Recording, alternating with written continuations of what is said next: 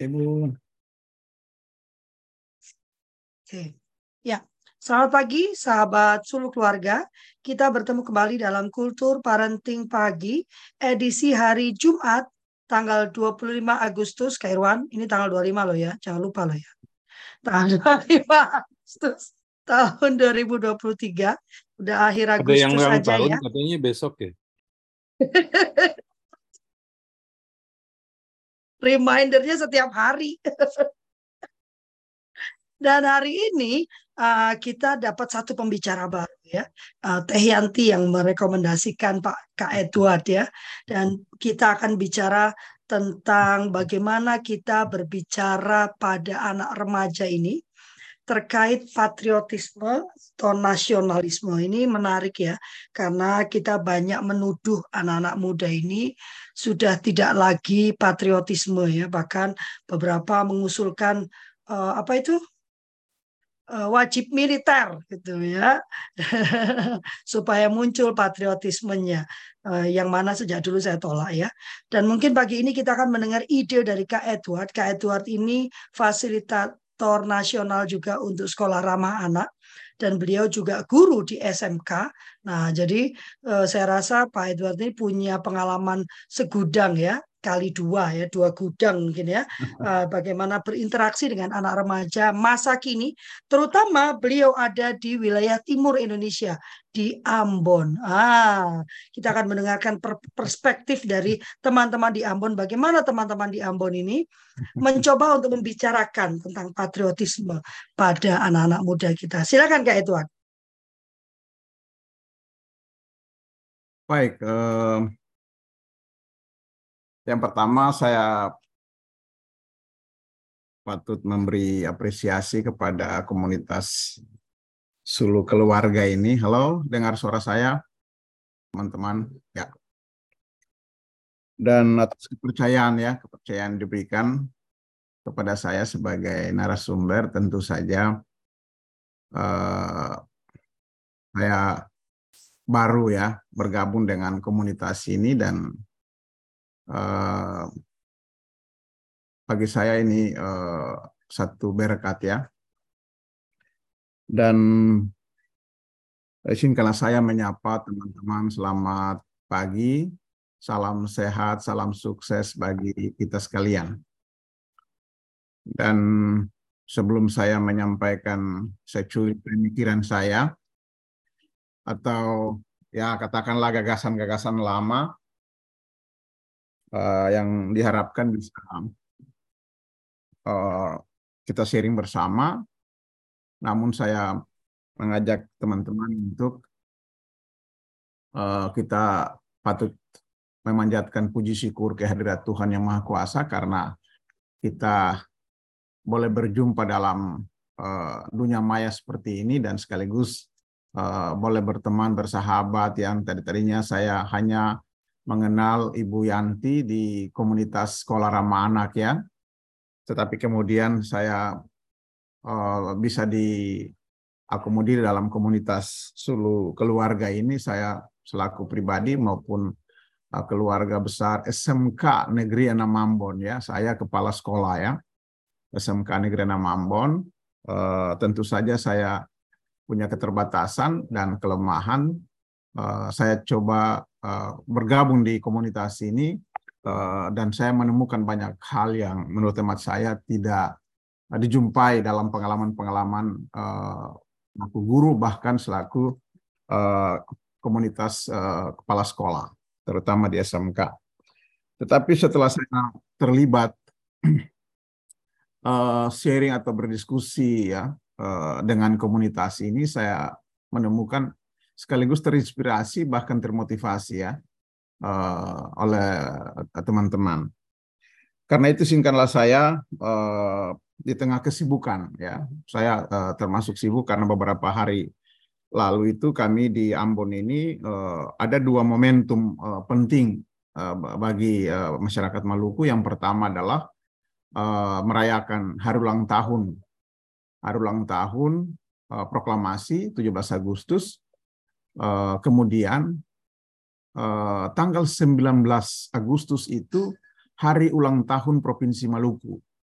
ya hari ulang tahun provinsi Maluku dalam sejarah eh, apa namanya 18 provinsi sebagai eh, pendiri ya pendiri bangsa ini eh, maka eh, bangsa apa namanya eh, masyarakat Maluku menetapkan atau ditetapkan sebagai eh, tahun kelahiran 19 eh, eh, Agustus 1945. Karena itu dua momentum ini menyibukkan kami selaku uh, komunitas pendidikan di Maluku.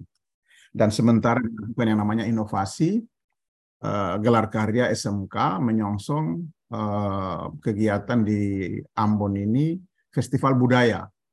Festival budaya puncaknya hari esok uh, dengan sejumlah acara antaranya adalah uh, masing-masing etnis di Indonesia yang ada di Maluku itu menampilkan uh, budayanya dalam uh, event itu ya uh, dan uh, mohon untuk pengandoa ya Bapak Ibu sekalian. Baik Bapak Ibu, uh, tentu saja konsep uh, nasionalisme dan atau pada remaja ini uh, bukan uh, hal baru menurut teman saya, tentu saja sudah uh, tidak asing di telinga kita. Tetapi uh, ingin saya katakan uh, beberapa hal, mungkin dari sisi uh, ya katakanlah uh, secara etimologis ya, uh, Bapak Ibu atau teman-teman sudah mengetahuinya. Uh, memang istilah nasionalisme ini atau dalam uh, bahasa Indonesia nasional kata berasal dari kata nasional ini uh, uh, bahasa Inggrisnya nation lalu kemudian ya katakanlah Belanda ada Sansekerta dan yang uh, misalnya Belanda itu nasional ya nasional. Uh, kemudian uh, isme ya, tentu saja aliran atau kelompok atau paham ya uh, komunitas. Dan uh, kalau kita uh, mengembangkan pemikiran dari konsep asal usul atau etimologis tadi maka uh, ya eh, konsep nation tadi artinya bangsa eh, menunjuk pada eh, kelompok satu paham satu aliran eh, satu eh, kesadaran tentang warga bangsa atau warga negara eh, yang sangat mencintai yang mencintai tanah airnya sendiri ya eh, segala sesuatu yang dikembangkan itu uh, mengarah ke komunitas atau kesadaran kolektivitas nasional itu. Dan karena itu uh, kesadaran itu tentu berwujud dalam berbagai bentuk ya. Kalau kita bicara tentang sejarah bangsa kita tentu saja ada dua pendekatan yang bisa kita pahami.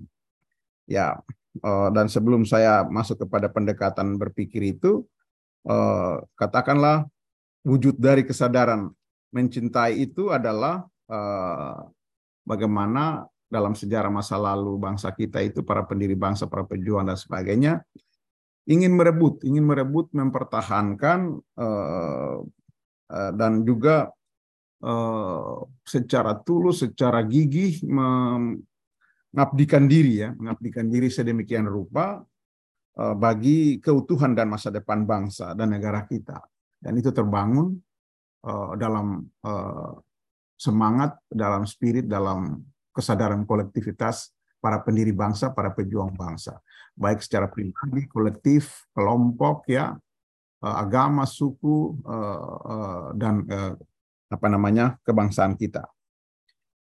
Dan karena itu, secara konseptual uh, bisa kita pahami bahwa nasionalisme itu merupakan uh, suatu paham kebangsaan yang tumbuh, yang tumbuh dan berkembang karena rasa cinta tadi, kesadaran rasa cinta itu uh, tentu saja bisa dari kelompok yang kecil, ya, atau dari suku bangsa, subsuku dari kesadaran atau kesatuan budaya, kesatuan bahasa, kesatuan uh, agama, dan juga Eh, komunitas-komunitas yang lain.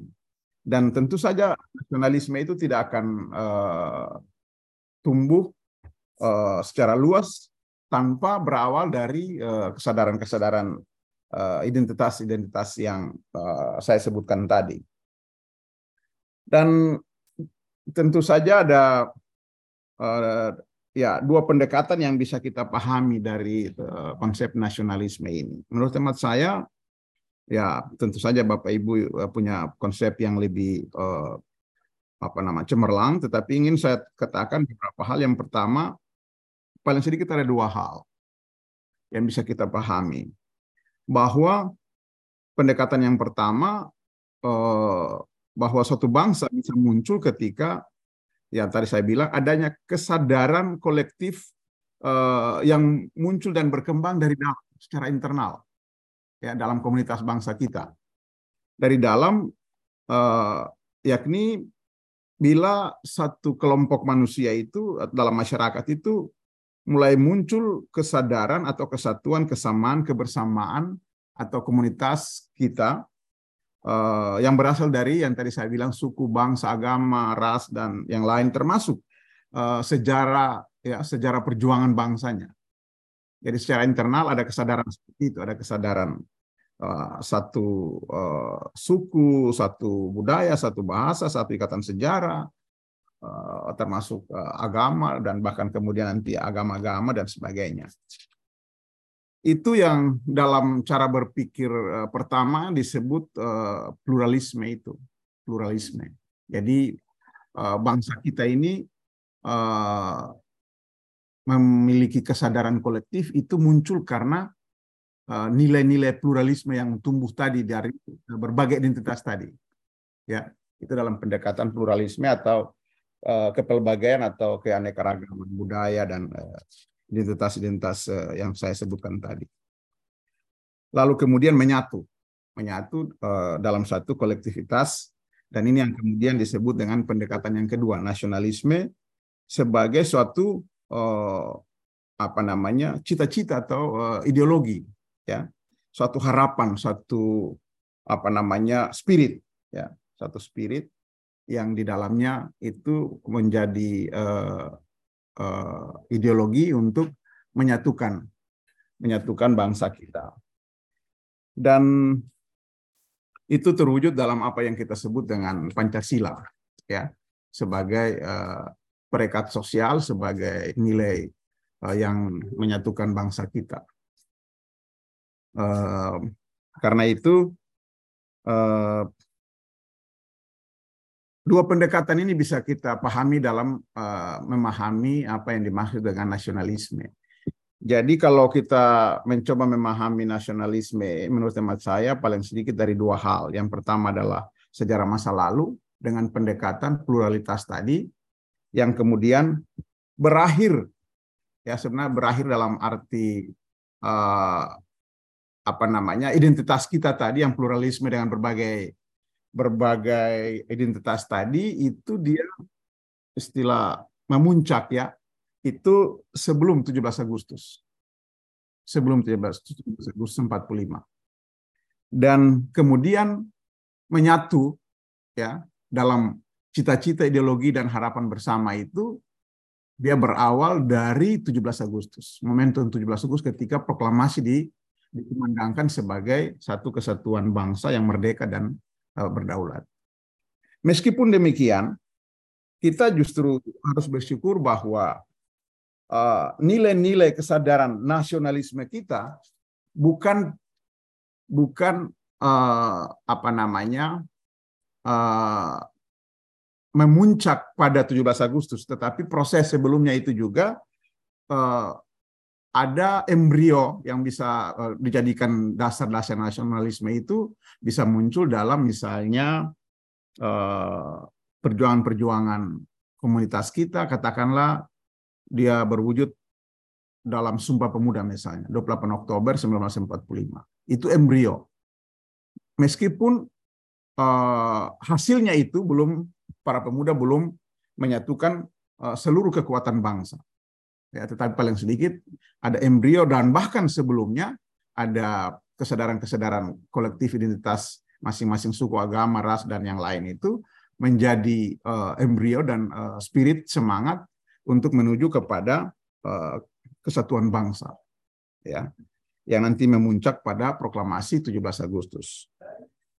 Jadi ada dua hal yang ada dua pendekatan yang bisa kita pahami sebelum 17 Agustus dan sesudah 17 Agustus. Kalau kita bicara tentang konsep nasionalisme yang menurut hemat saya ada uh, dua pendekatan itu sebelum dan sesudah 17 Agustus.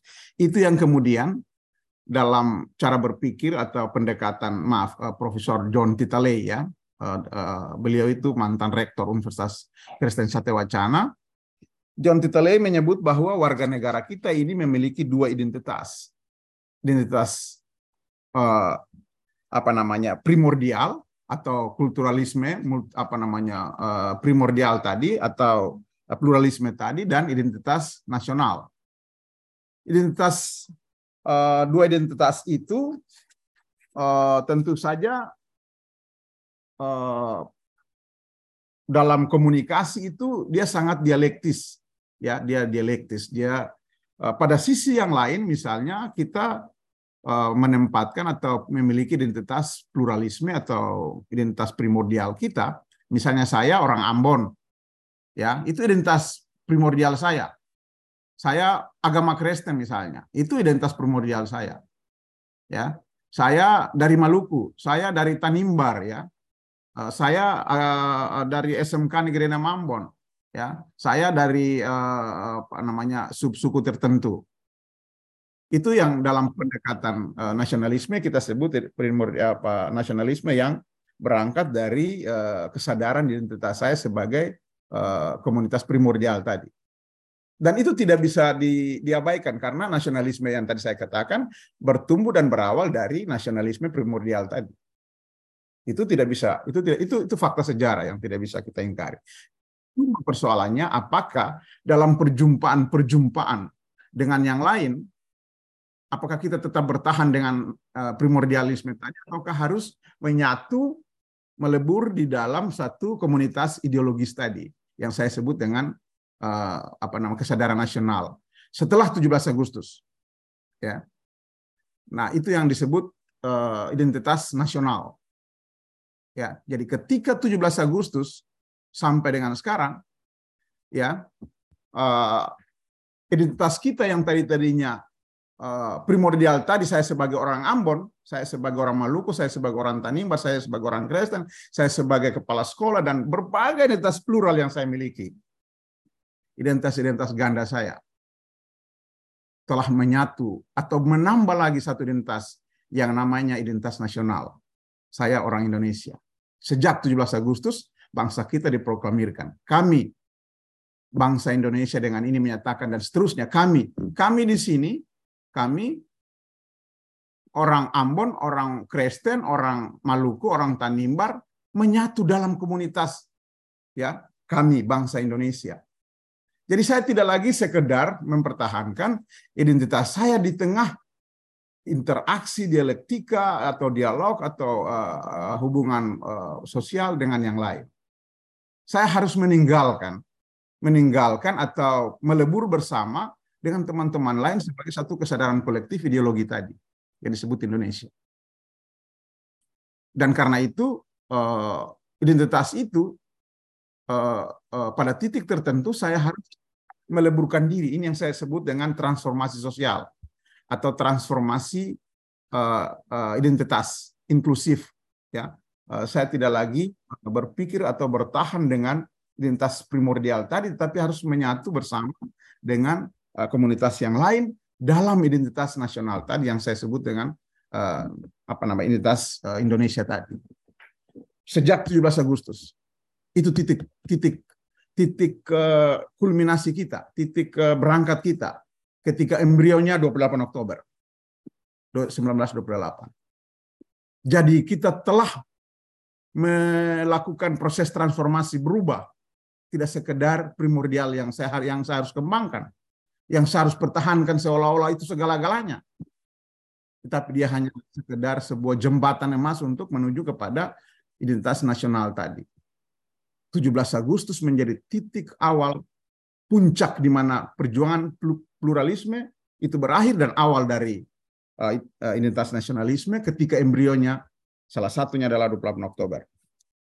Dan ini yang mesti kita uh, kembangkan bahkan menurut hemat saya, ya dalam perspektif saya, kita tidak sekedar memiliki dua identitas. Ya, dalam perspektif nasionalisme Indonesia, kita sedang memasuki sebuah identitas baru yang saya sebut dengan identitas global. Ya, jadi kita punya identitas sebetulnya primordial dengan berbagai subsuku bahasa dan sebagainya. Kita juga memiliki identitas yang namanya identitas nasional dan sekarang kita berhadapan dengan identitas-identitas global. Yang ini nanti saya sebut dengan etika global bagaimana betapa pentingnya nasionalisme Indonesia yang berdasarkan pada Pancasila dengan nilai-nilai yang saya sebut dengan nilai-nilai kemanusiaan yang sangat tinggi dan martabatnya tidak dimiliki oleh bangsa lain. Pancasila mesti menjadi dasar kekuatan perekat sosial yang sangat tinggi dan mahal. Dan itu dibuktikan dalam uh, cara berpikir, ya hasil imajinasi, hasil kreativitas uh, para pendiri bangsa, ya para pendiri bangsa yang tidak mementingkan yang tidak mementingkan identitas-identitas primordial, lalu menggugurkan identitas kebersamaan tadi sebagai satu bangsa yang ingin merdeka yang ingin menghilangkan penjajahan. Sebab hanya kalau misalnya hanya dengan mempertahankan primordial, Indonesia tidak ada. Bangsa kita tidak ada. Ya, dia hanya embrio dan pergerakan-pergerakan uh, uh, kelompok ya, uh, apa namanya daerah kedaerahan primordial itu uh, tidak akan mungkin terjadi yang namanya Indonesia. Dan itu kelebihan Soekarno uh, dan Hatta dan para pendiri yang lain. Bayangkan saja, ya eh, apa namanya para pendiri bangsa, eh, panitia persiapan kemerdekaan bangsa Indonesia, kalau dalam cara berpikir saya sebagai orang Kristen, berapa sih orang Kristen yang ada di eh, panitia persiapan itu? Sangat kecil. Tapi betapa hebatnya para pendiri bangsa yang tidak mempertahankan identitas primordial tadi. Mereka melebur menjadi satu bangsa kesadaran bahwa betapa menjadi juangnya bangsa ini. Mereka harus meleburkan diri dalam sebuah komunitas yang namanya bangsa Indonesia. Ada kelompok agama yang sangat mayoritas. Ya, ada uh, Muhammadiyah, ada uh, eh, NU dan yang lain. Tapi mengapa memilih Indonesia sebagai satu identitas baru? Ini yang oleh uh, apa namanya uh, Yudi ya. Saya pernah baca Yudi Latif punya buku uh, Mata Air Keteladanan. Dia sebut momentum itu sebagai momentum yang sangat uh, monumental. Menyepakati Pancasila sebagai dasar negara 17 Agustus. Ya sebagai satu peristiwa sejarah yang sangat monumental. Kalau mereka tidak berpikir tentang masa depan bangsa maka tidak kita tidak mungkin bisa berdialog hari ini dan kita tidak mungkin berdiri hingga saat ini dan terus berdiri hanya karena mereka merasa mencintai tanah air jauh lebih dari sekedar identitas-identitas primordial tadi. Dan karena itu kita sebagai generasi bangsa, kita bersyukur atas cara berpikir cerdas, cemerlang, dari para pendiri bangsa kita. Ini nilai, menurut emak saya ini nilai. Nilai yang sangat mahal yang harus kita wariskan kepada para remaja kita, generasi muda kita, ya, uh, apa namanya, uh, generasi penerus kita agar kita tidak terjebak, ya, tidak terjebak, tidak tersandra sekedar karena identitas primordial yang kaku dalam proses dialektika, dalam proses komunikasi, dalam proses uh, berinteraksi, menyapa satu yang lain. Ya, saya bisa menyapa Ibu Yanti yang hebat ya dan teman-teman yang lain ya, uh, uh, Ibu Loveli dari uh, suku yang lain, dari uh, apa budaya yang lain hanya karena kita telah menyatu dalam kesadaran kolektivitas kebangsaan kita, kita sebagai orang Indonesia. Hanya dengan itu kita akan berjumpa sebagai satu kesadaran yang mengembangkan kesadaran nasionalisme yang humanis tadi, yang nasionalis, yang uh, meletakkan martabat kemanusiaan sebagai titik jumpa kita. Ya, titik jumpa kita yang sangat tinggi nilainya dan itu tidak ada di negara lain. Di Amerika misalnya sangat eh, apa namanya mayoritas kekristenannya sangat mendominasi ya di Eropa dan yang lain. Ya, karena mereka tidak memiliki akar sejarahnya yang panjang sama dengan bangsa kita. Ya. Ya, ini nilai yang menurut hemat saya sangat mahal, sangat mahal yang harus kita perjuangkan, yang harus kita lestarikan, yang harus kita rawat bersama. Kalau tidak globalisasi akan semakin tajam dan semakin sadis mengikis nilai-nilai persaudaraan kebangsaan kita kalau kita tidak uh, uh, kuat di dalam uh, mengembangkan nilai-nilai kesadaran kemanusiaan kita sebagai bangsa yang berjuang habis-habisan. Dan uh, saya kira uh, dengan teknologi yang sangat canggih ya, informasi yang sangat cepat, yang instan, yang mudah ya, akan menantang kita sebagai uh, bangsa dengan kekuatan primordial dan uh, nasionalisme, uh, tetapi juga kekuatan yang sangat hebat adalah kekuatan uh, globalisasi. Ya, dan ini membutuhkan uh, komitmen kita ya, komitmen kita untuk uh, memperkokoh lagi semangat perjuangan para pendiri bangsa yang telah berdarah-darah, yang telah apa gugur sebagai kusuma bangsa.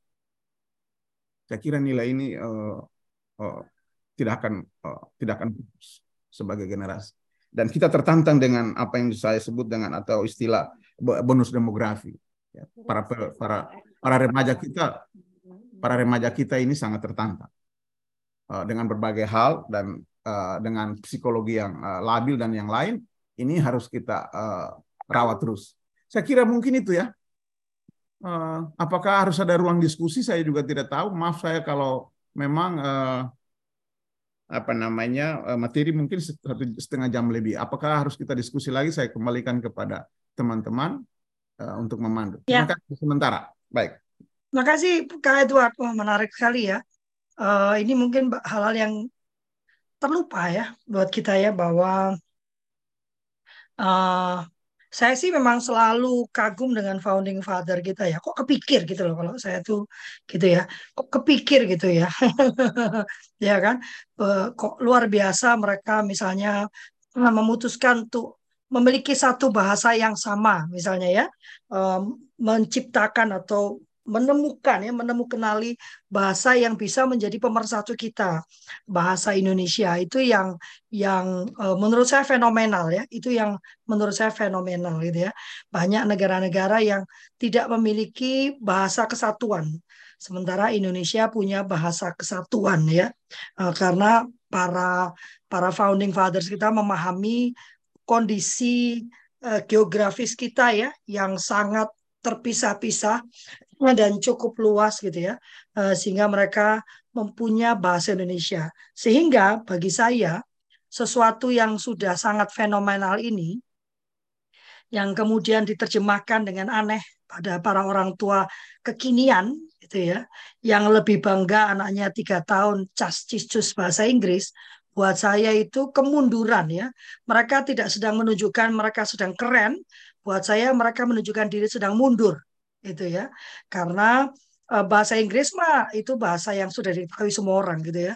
Uh, kan bahasa internasional. Artinya itu uh, semua orang juga tahu gitu ya. Tapi bahwa founding father kita melihat kita perlu satu identitas ya identitas kebangsaan. Itu sebabnya bahasa pertama yang digunakan anak-anak saya sudah pasti bahasa Indonesia yang baik dan benar, bukan bahasa ibu saya. Anak saya yang besar sempat protes sebetulnya. Kenapa saya tidak pernah diajarkan bahasa Jawa? Saya bilang, kamu nanti akan belajar bahasa Jawa lewat pergaulanmu dengan orang-orang sekitar karena toh kami tinggal di Jawa. Tetapi bahasa Indonesia ini adalah sesuatu yang menurut Mama ini adalah bentuk nasionalisme yang pertama. Bahasa Indonesia. Uh, walaupun sekarang anak-anak saya menjadi pembicara bahasa Inggris yang sangat uh, pas aktif ya, fluent gitu ya. Tapi saya lebih bangga pada saat mereka bisa berbicara bahasa Indonesia. Bahkan Kak Deli pun sekarang uh, makin fluent ya uh, berbicara bahasa Indonesia. Kebalik ya. Jadi saya malah bangga karena dia makin fluent berbicara bahasa Indonesia. Ayo Teh Yanti, mungkin ada yang mau karena ini sebetulnya uh, apa ya bagi saya ini ini sangat penting. Nanti saya akan sampaikan apa yang disampaikan Raka kepada saya ya waktu saya mencoba memancing dia tentang topik ini ya. Raka tuh kadang pendapatnya aneh-aneh. Silakan Tayanti. Iya, uh, sekali lagi ini uh, apa ya luar biasa ya pagi-pagi kita dipompa semangat patriotisme ini dari kak dari ya Kak Edo. Di sini disebutnya lupa saya kakak ya Kak Edo ya uh, terima kasih. Uh, kebayang deh kalau kepala-kepala SMA, SMK, Madrasah Aliyah, pokoknya yang di Dikmen itu menggelorakan semangat uh, nasionalisme yang uh, basisnya jelas gitu ya dari uh, apa yang sudah uh, begitu luar biasa di, ditorehkan oleh uh, para para pendiri uh, bangsa ini. Uh, saya yakin uh, apa ya anak-anak kita ini jauh lebih lebih mengenal akarnya, kalaupun belum belum bisa mengikatkan diri uh, dengan lebih lebih kokoh gitu karena memang baru mengenal gitu. Dan uh, saya saya sangat sangat uh, berharap uh, Pak Edo terutama di uh, sekolah Pak Edo di SMK karena SMK itu masih identik dengan banyaknya tawuran misalnya ya.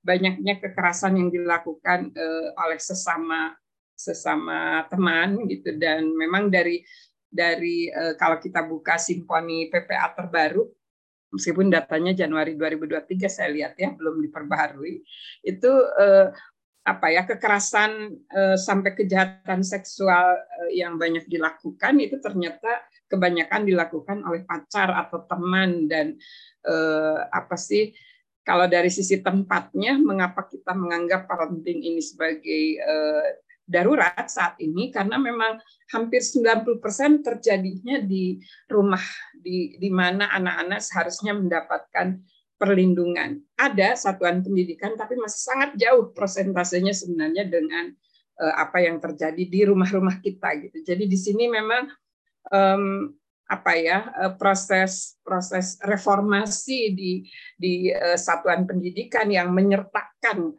orang tua di dalam upaya Eh, mendidik anak-anak eh, bangsa ini dengan eh, apa sih jiwa patriotisme yang yang lebih kokoh gitu ini diharapkan bisa menjadi apa ya um, gejolak gejolak atau energi yang besar yang dimiliki oleh anak-anak kita dengan arus informasi yang begitu luar biasa itu bisa bisa lebih uh, ter, terlihat dalam uh, gelora nasionalismenya gitu. Nanti Eh, kita akan akan bukan akan sih kayak kayak Kak Irwan kayaknya sering menyaksikan bagaimana anak-anak muda yang berhasil membawa apa mengibarkan bendera merah putih gitu ya di di eh, perlombaan-perlombaan internasional misalnya gitu ya. Uh, ini sangat dikejar. Tapi justru kita berharap melalui upaya menumbuhkan nasionalisme di dari rumah ini um, semangat ini tuh justru um, menjadi uh, saluran energi besar dari anak dan remaja kita gitu ya untuk sesuatu yang lebih uh, saya sering sering uh, mengajak kembali pada teman-teman saya untuk mengindonesia kembali gitu dengan menorehkan inovasi-inovasi yang bisa jadi bukan hal baru tapi karena didifusikan dengan kekinian ini jadi jadi lebih diterima oleh anak-anak kita.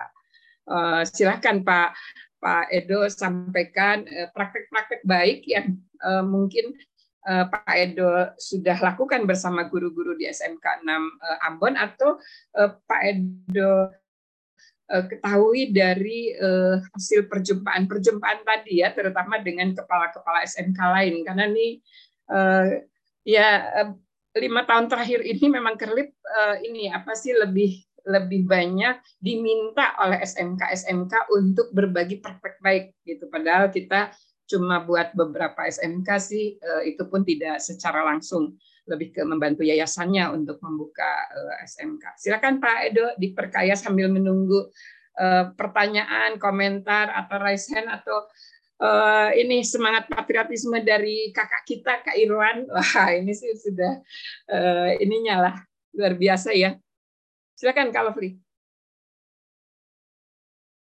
Ya, oh.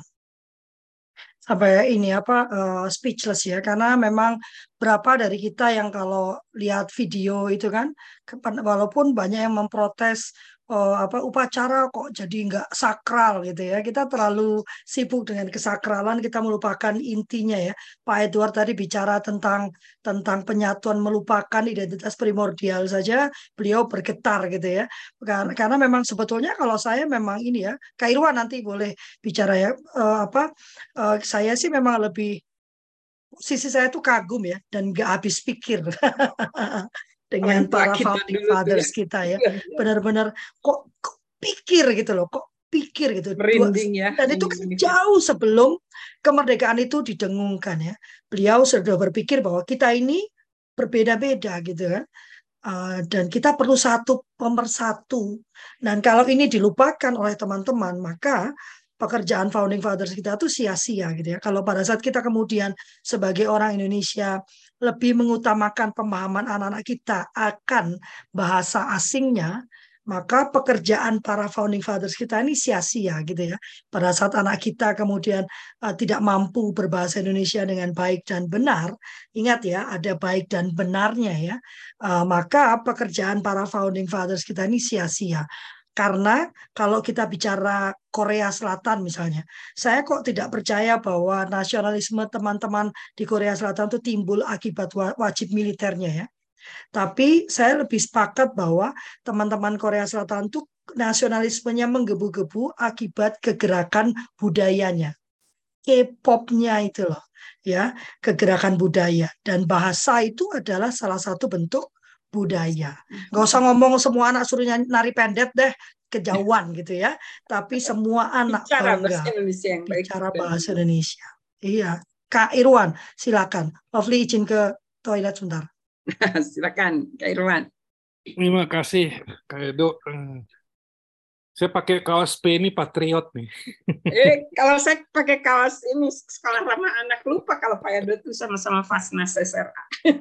iya. Uh, Terima kasih Kak Edo. Memang memang pemantik ya. Diskusi ini nggak pernah habis-habisnya.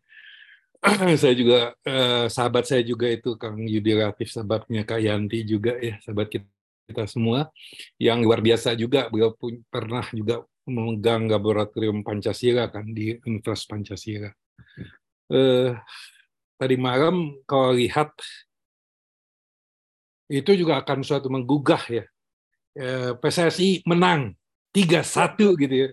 Nyaris 4-1 5-1 gitu kan. Nah, eh, saya sendiri kayak itu banyak eh, terlibat ya di olahraga, di komunitas olahraga. Kenapa? Karena pada saat dulu orang sesepuh kita founding father segala macam mereka punya musuh bersama penjajah gitu kan. Sehingga kita bersatu melawan penjajah gitu pada saat ini kita nggak punya common enemy gitu sehingga sering kali kita sendiri uh, ribut gitu ya jadi uh, saya ingat sekali ada sahabat saya pernah di Ambon itu Pak Kak Edo mungkin tahu ya Pak Doni Munardo ya Iya, iya, iya. Munardo tahu, dengan tahu. iya dengan program Mas Mas Hijau, Mas Biru ya. Nah, ya, dan bagaimana beliau bisa menyatukan yang pada waktu itu banyak banyak sekali uh, konflik di sana, bagaimana beliau menyatukan, bagaimana mereka kegiatan teknis-teknis di lapangan, bercamping sama-sama, dan itu sebetulnya by design gitu ya, diatur mereka itu yang berbeda tadi gitu. Pada saat mereka juga mendapatkan suatu uh, apa namanya hadiah ya untuk beberapa orang kesempatan sama-sama berangkat satu pesawat nanti pisah Ah, di mana yang satu ke Arab, yang satu ke Yerusalem gitu. Benar ya, Kak Edo ya? Benar, benar, benar. Ya, itu itu kami juga me, me, me, membantu lah ya. Di situ ada yang istilah di kami itu psychological operation. Saya sendiri backgroundnya militer dan psikolog uh, Kak, Kak Edo gitu ya. Baik, Kakak. Ya. Nah, pada saat ini apa gitu ya? Salah satu sebetulnya yang tadi disampaikan Kak Yanti ya, kalau nggak salah kan, bendera merah putih dikibarkan dan lagu Indonesia Raya dikumandangkan di luar negeri, wah itu merinding kita menangis gitu kan. Hormat kita tuh luar biasa gitu. Nah, hal ini yang yang nampaknya memang harus digugah lagi karena musuh kita sekarang di VDF Emperor gitu loh. dari dulu sampai sekarang tuh gampang Ya. sekali di, di, diinikan gitu. Iya. Nah, eh, mengapa bagus Kak Gafri tadi ya? Bagus Kak Gafri tadi mengajarkan anaknya berbahasa Indonesia gitu kan. Karena itu menjadi value pertama gitu. Nah, tapi umumnya identitas nasional itu terakhir gitu ya. Jadi Ya. pada saat dia di stres dia akan gua Jawa, gua Sunda, gua Ambon, gua apa gitu. Gua Ya. Kristen, gua gua gua Hindu, Iya. gua ini. Itu kan Atau aku mah orang Sunda. Nah, itunya gitu. Nah, sehingga saya kira masalah saya itu Muhammad Gandhi dan itu kami tempelkan di fakultas waktu di kami itu di ada namanya sanggama sanggama itu sanggar mahasiswa gitu ya. Itu kita kita pajang satu tulisan yang bagus dan tampaknya perlu digugah apa lomba membuat kata bijak seperti itu. Dituliskan di situ kesetiaan kesetiaanku pada partai dan golongan akan berakhir ketika kesetiaanku pada negara lahir Wah, luar biasa. itu itu itu sangat sangat sangat menggugah ya. Jadi eh, dan saya padahal saya, saya ungkapkan juga pada saat saya menatar satu ada undangan ada pelatihan dari eh, partai-partai tertentu saya katakan itu wah diprotes keras ya nggak apa-apa kata saya kan. Tapi memang memang begitu. Ya pada saat kita misalnya 2024 ini akan akan ada pemilihan presiden semua dengan partai-partai ya silakan gitu ya. Tapi pada saat nanti satu satu yang terpilih apa pun itu gitu ya semuanya mesti orientasinya ke situ. Jangan jangan eh, ribut terus gitu. Makanya kembali lagi ya yang sekarang yang menjadi ganjalan saya sebetulnya memang kita pernah kan tahun 50-an multi partai dan itu gagal gitu. Dan alhamdulillah sekarang anehnya lagi gitu. Kok alhamdulillah subhanallah gitu. Anehnya lagi kok sekarang kita multi partai lagi. Orang senang begitu. Nah orientasi orientasi yang ini yang harus menurut saya itu dimasukkan uh, tadi dari rumah dari pendidikan dia orang tuanya diuruskan cara pemikirannya bahwa merah putih di dadaku itu betul-betul ditanamkan gitu ya kayak kemarin juga kan uh, kalau kita kembali lagi ke founding father merdeka ya. merdeka kan gini gitu. Tapi sekarang merdekanya pengen berantem merdeka gitu ya. Pakai kepala tangan gitu. Itu aja udah merdeka gimana harusnya? Gimana harusnya? Merdeka. ini merdeka salam merdeka. Merdeka. Oke oke oke. Nah merdekanya juga bukan berantem ini merdekanya mau berantem nah hal, hal seperti itu kan memang mesti digali bahkan uh, saya bicara pada orang-orang yang bijak dan paham sejarah banyak sejarah-sejarah kita ini yang harus diluruskan gitu. Ya termasuk mungkin Pak adalah seorang menteri gitu yang mengatakan loh kita ini satu-satunya negara yang dengan mengurusnya penjajah. Hati-hati, hati-hati gitu ya. Coba baca lagi sejarah, benar nggak? Bahwa kita merdeka itu merupakan suatu dinamika dari kejadian dunia. Iya. Iya kan? bahwa tadinya Jepang pun akan memberikan kemerdekaan, memberikan hadiah kepada kita kan gitu ya. Tapi kan sama Pak Bang Bung Karno itu diculik segala macam anak-anak muda itu yang ingin kita merdeka seperti itu kan. Ada bom atom di ya, apa? Jepang, Hiroshima, Jepang, Nagasaki. Hiroshima dan Nagasaki itu juga bukan suatu kebetulan gitu ya. Itu suatu dinamika yang pada saat itu dan momen itu digunakan. Dan ada juga beberapa negara juga bahkan dia sudah sudah jadi negara, ada penjajah dan dia usir. Kita kan waktu itu belum jadi Indonesia. Belum jadi Indonesia. Nah, seperti ini makasih Kak, Kak Edo, saya ikut ikut ini aja ikut sharing aja. Mudah-mudahan semangat kita pagi ini juga menular kepada keluarga dan anak-anak kita. Terima kasih. Amin. Ya, menarik ya. Memang gini. Pertama itu kita adalah orang Indonesia. Itu yang pertama. Baru berikutnya, saya ini orang Indonesia yang bersuku Jawa, yang beragama Kristen. Jadi kan turunannya ya. Kalau sekarang kan dibalik ya. Saya ini orang Kristen gitu. No, saya ini orang Indonesia yang sukunya dari Jawa, yang beragama Kristen. Suku Jawa aja saya juga mulai meragukan gitu kan. Karena sering kali saya dikira dari dipandang ke Manado lah gitu ya, Chinese lah gitu ya, Batak lah gitu. Artinya wajah saya pun itu sudah nggak jelas gitu. Campuran. ya kan, udah campur aduk walaupun saya nggak punya tuh turunan Eh, Manado turunan nggak ada tapi wajah artinya wajah Indonesia itu ternyata mirip-mirip sama gitu loh. Dari wajah saja gitu kan. Nomor satu kita adalah Indonesia. Menariknya nah ini nih Kak Edward ya. Raka mengatakan anak saya yang 27 tahun tuh mengatakan saya bilang bagaimana sih kita bicara tentang um, uh, apa patriotisme pada anak muda. Dia bilang bagaimanalah kita bisa bicara patriotisme pada anak muda pada saat orang-orang dewasa itu sudah tidak menunjukkan kecintaannya pada Indonesia.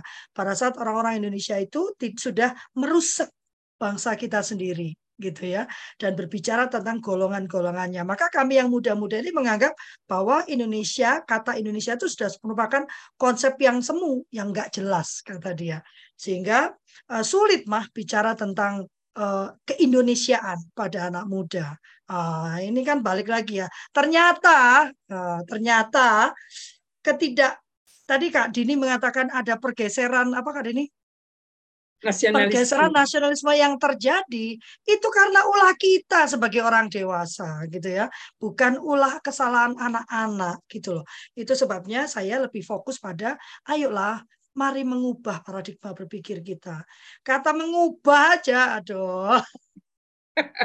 Biasanya merubah, rubah terus saja baru satu kata. Kak Edward, bagaimana menurut Kak Edward? Bagaimana tadi dari jalinan yang disampaikan Kak Irwan, Kak Yanti gitu ya, eh, saya sendiri gitu kan. Bagaimana Kak Edward sendiri dalam daily life nih ya, apalagi beliau ada di Ambon gitu ya, yang mungkin kalau kata orang-orang kan tidak tersentuh oleh kemerdekaan yang sebenarnya. Karena yang keren cuma Jakarta doang katanya gitu kan. Bagaimana kemudian Pak Edward berbicara tentang keindonesiaan ini kepada anak-anak didik Pak Edward? Ini yang menarik sebetulnya. Baik. Anak-anak waktu bicara itu bergetar seperti Kak Edward nggak gitu kan? Tadi kan saya luar biasa. Paru birunya tuh luar biasa ya. Ya beneran, beneran. Silakan Kak Edward. Baik, baik. Uh, terima kasih atas uh, proses dialektika pemikiran kita ya pada kesempatan ini bahwa memang uh, kalau bukan Indonesia, tidak, saya tidak mungkin bicara dengan kakak Loveli ya, kakak Yanti, kakak Irwan dan yang lainnya uh, hanya karena identitas kita yang saya sebut dengan identitas nasionalisme tadi. Uh, dengan tidak bermaksud menghilangkan ya uh, identitas uh, primordial, tetapi identitas primordial tadi bukan satu-satunya identitas saya sebagai warga bangsa.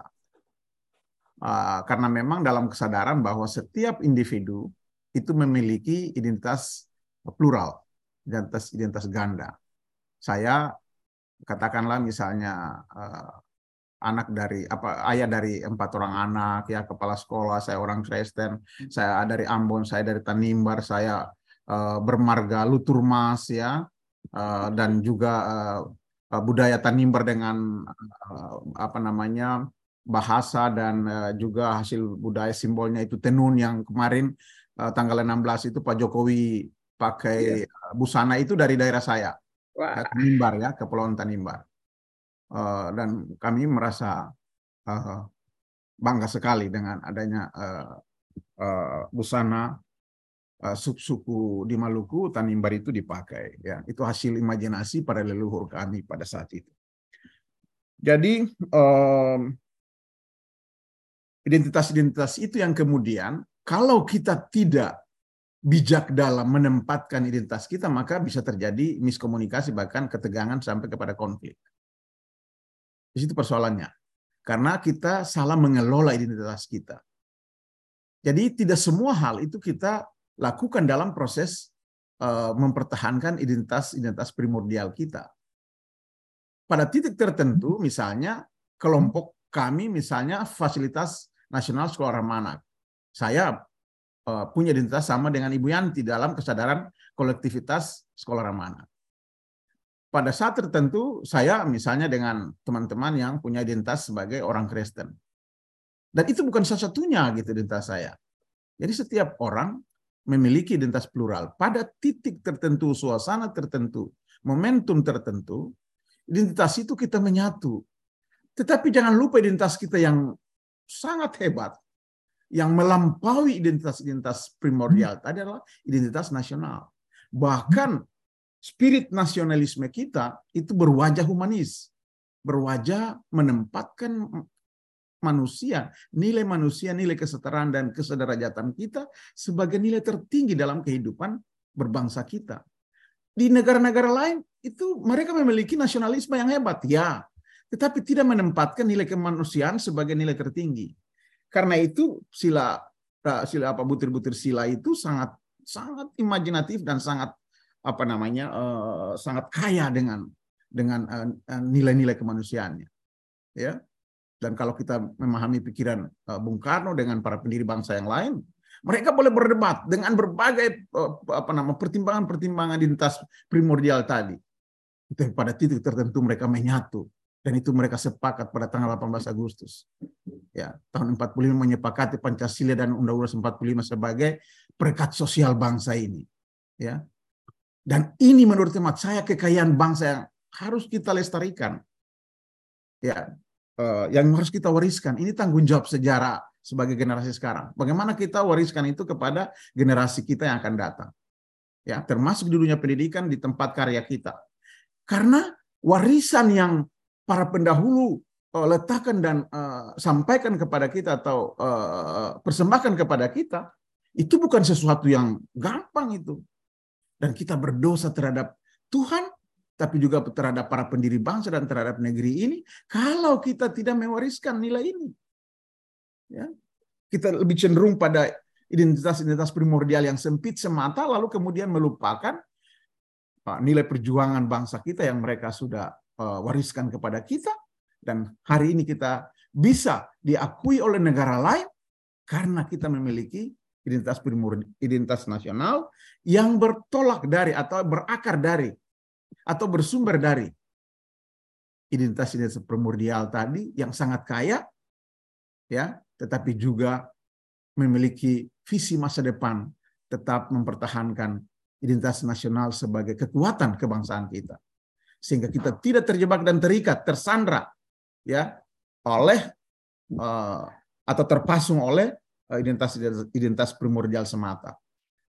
Dan karena itu dalam dialog, dalam komunikasi interaksi kita uh, mesti uh, bijak dan arif untuk menempatkan identitas-identitas kita sehingga kita tidak salah mengelola identitas-identitas kita karena ada kesamaan-kesamaan identitas itu. Dan kalau itu tidak di kelola secara baik, kalau tidak di apa namanya diterapkan, dirawat, disampaikan secara baik, nah tentu saja menimbulkan uh, ketegangan bahkan konflik. Termasuk ya misalnya konflik di Maluku misalnya atas kepentingan uh, politik tertentu menimbulkan apa namanya perbedaan-perbedaan yang apa namanya sangat sesat ya. Menurut hemat saya perbedaan dalam arti isu-isu yang berkembang kemudian menyulut uh, perilaku yang uh, menimbulkan kekerasan ya menurut teman saya uh, saya sama sekali tidak setuju itu. Dan itu yang saya tanamkan di sekolah saya ya dalam interaksi dengan teman-teman yang berbeda apa nama identitas itu satu titik yang harus kita kembangkan adalah identitas kita sebagai bangsa sebagai dunia pendidikan yang menjadi pusat perjumpaan ya eh, baik itu di pendidikan di keluarga, lintas keluarga dan yang lain sebagai satu eh, komunitas bersama. Dan kalau misalnya disampaikan eh, katakanlah praktek baik berbagai praktek baik, saya kira di sekolah kita atau di Maluku ya sedang di digelorakan namanya misalnya ada yang namanya Universitas Orang Basudara ya ada sekolah perdamaian ya ada apa namanya kampus uh, orang bersaudara uh, dan juga banyak hal uh, uh, yang sedang digalakan untuk meningkatkan kesadaran berbangsa kita dengan berbagai upaya yang dilakukan oleh institusi-institusi yang ada di baik pada level nasional maupun pada level apa namanya provinsi bahkan dunia pendidikan. Dan saya kira di Maluku tidak ada lagi yang perbedaan-perbedaan identitas yang uh, kadang menyulut ke konflik itu uh, sama sekali uh, hanya sesaat. Kalaupun ada ya itu kepentingan segelintir orang. tetapi bahwa dalam kesadaran karena memang ya Maluku ini salah satu provinsi dari delapan provinsi menjadi apa pendiri bangsa ya karena itu uh, tidak akan mungkin mengkhianati uh, perit, apa ibu pertiwi ya sebagai bagian dari uh, apa nama perjuangan para pendiri bangsa di dalamnya ada juga orang Maluku ya. Uh, karena itu uh, sikap nasionalisme orang Maluku itu tidak bisa diragukan menurut teman saya ya. Uh, intinya adalah uh, ingin saya katakan kalau terjadi tawuran di kalangan para pelajar ya dikatakanlah di Maluku uh, itu karena ya ketidaksadaran anak-anak ya yang tadi kalau Feli bilang itu kesalahan kekeliruan ada pada generasi uh, tua kita kita sebagai generasi nah uh, para pendiri bangsa sudah mewarisi satu nilai yang sangat mahal. Bagaimana kita meneruskannya sebagai generasi sekarang kepada generasi yang akan datang. Ini yang harus kita lakukan dalam konsep kesinambungan nilai itu ya. Uh, kontinuitas uh, nilai. Tidak apa namanya harus menghilangkan nilai-nilai perjuangan yang sudah diletakkan oleh bangsa kita ya termasuk budaya kita ya ada ke, ada kebudayaan sub bahasa dan itu kekayaan yang sangat mahal ya dan karena itu kalau kita lihat misalnya nanti saya juga uh, ingin teman-teman uh, untuk uh, memberi memberi uh, bobot coba kita lihat pancasila misalnya ya. Sila pertama ketuhanan keman, apa, ketuhanan yang masa kemanusia uh, uh, ketuhanan yang masa kemanusiaan yang ada dan berada persatuan dan seterusnya. Itu semuanya kata kata benda itu ya kecuali sila ketiga persatuan Indonesia. Itu kata sifat itu ketuhanan yang maha esa kemanusiaan yang ada dan berada persatuan Indonesia kerakyatan yang dipimpin keadilan sosial hal persatuan hal menyatu itu bukan hal biasa itu bukan hal yang gampang kenapa tidak uh, Eh, kesatuan Indonesia, kepersatuan Indonesia. Saya ingin teman-teman mungkin uh, mengembangkan. Itu artinya berangkat dari jiwa pluralisme. Hal menyatu. Persatuan. Satu persatu telah menyatu sebagai bangsa. Ya. Dan karena itu uh, pluralisme, primordialisme tidak lalu kemudian mendominasi identitas yang lain, identitas nasionalisme tadi. Tetapi justru harus ada perimbangan, harus ada keseimbangan, ya, bahkan saling memperkaya.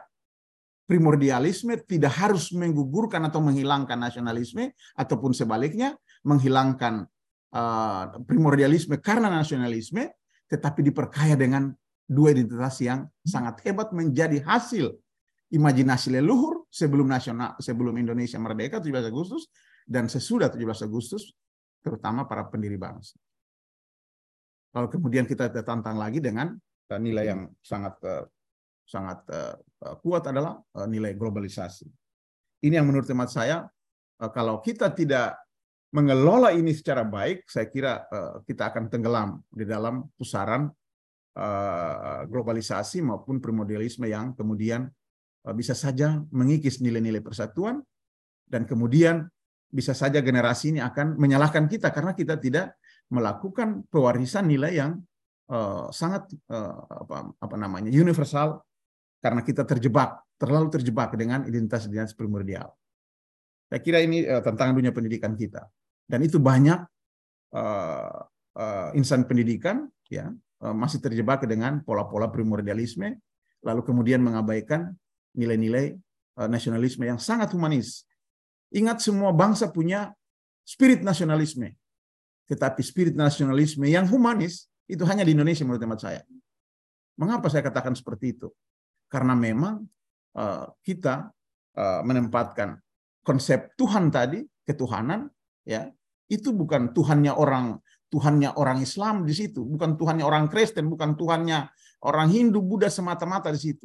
Tuhannya orang Indonesia. Karena itu bukan uh, apa namanya uh, uh, Tuhan apa namanya Tuhan yang Maha Esa, tapi ketuhanan yang Maha Esa.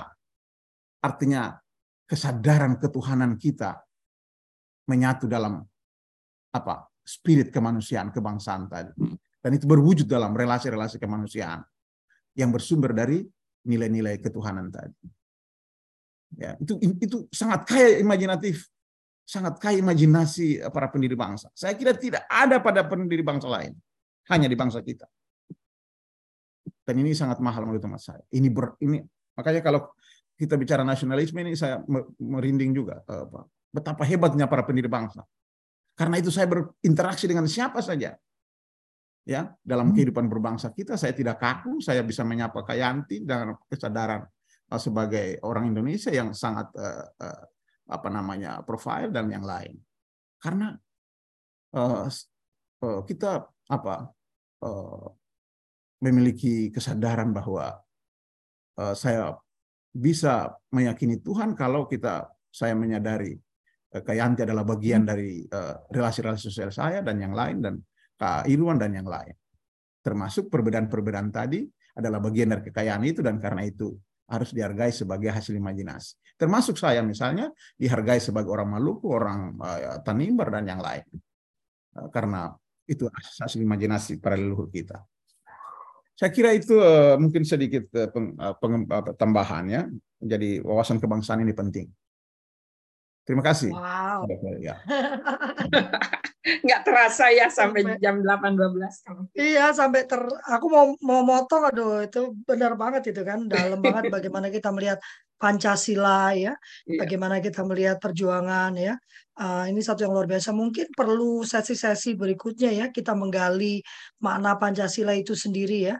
Uh, karena baru ngomong harus profil lanjut Pancasila, ke Pancasila ya. yang protes sudah banyak ya, ya, ya. Gitu kan. Uh, kita tuh selalu terjebak dengan dengan simbol-simbol dan dan apa kata-kata gitu kan. Tapi melupakan makna yang sebenarnya. Terima kasih kak Edward ya sudah membuka mata saya ya uh, tentang Sama-sama, lebih Pak. jauh ya. Membuat saya makin bangga dengan keindonesiaan saya gitu ya.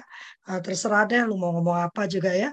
Uh, kalau buat yang ngerusak yang rusaklah ya. Tapi bagi saya uh, Indonesia itu uh, adalah identitas utama saya ya pertama dan utama saya sebagai orang Indonesia. Dan demikian juga anak-anak saya gitu. Kak Deli kamu orang Indonesia kah? Gitu.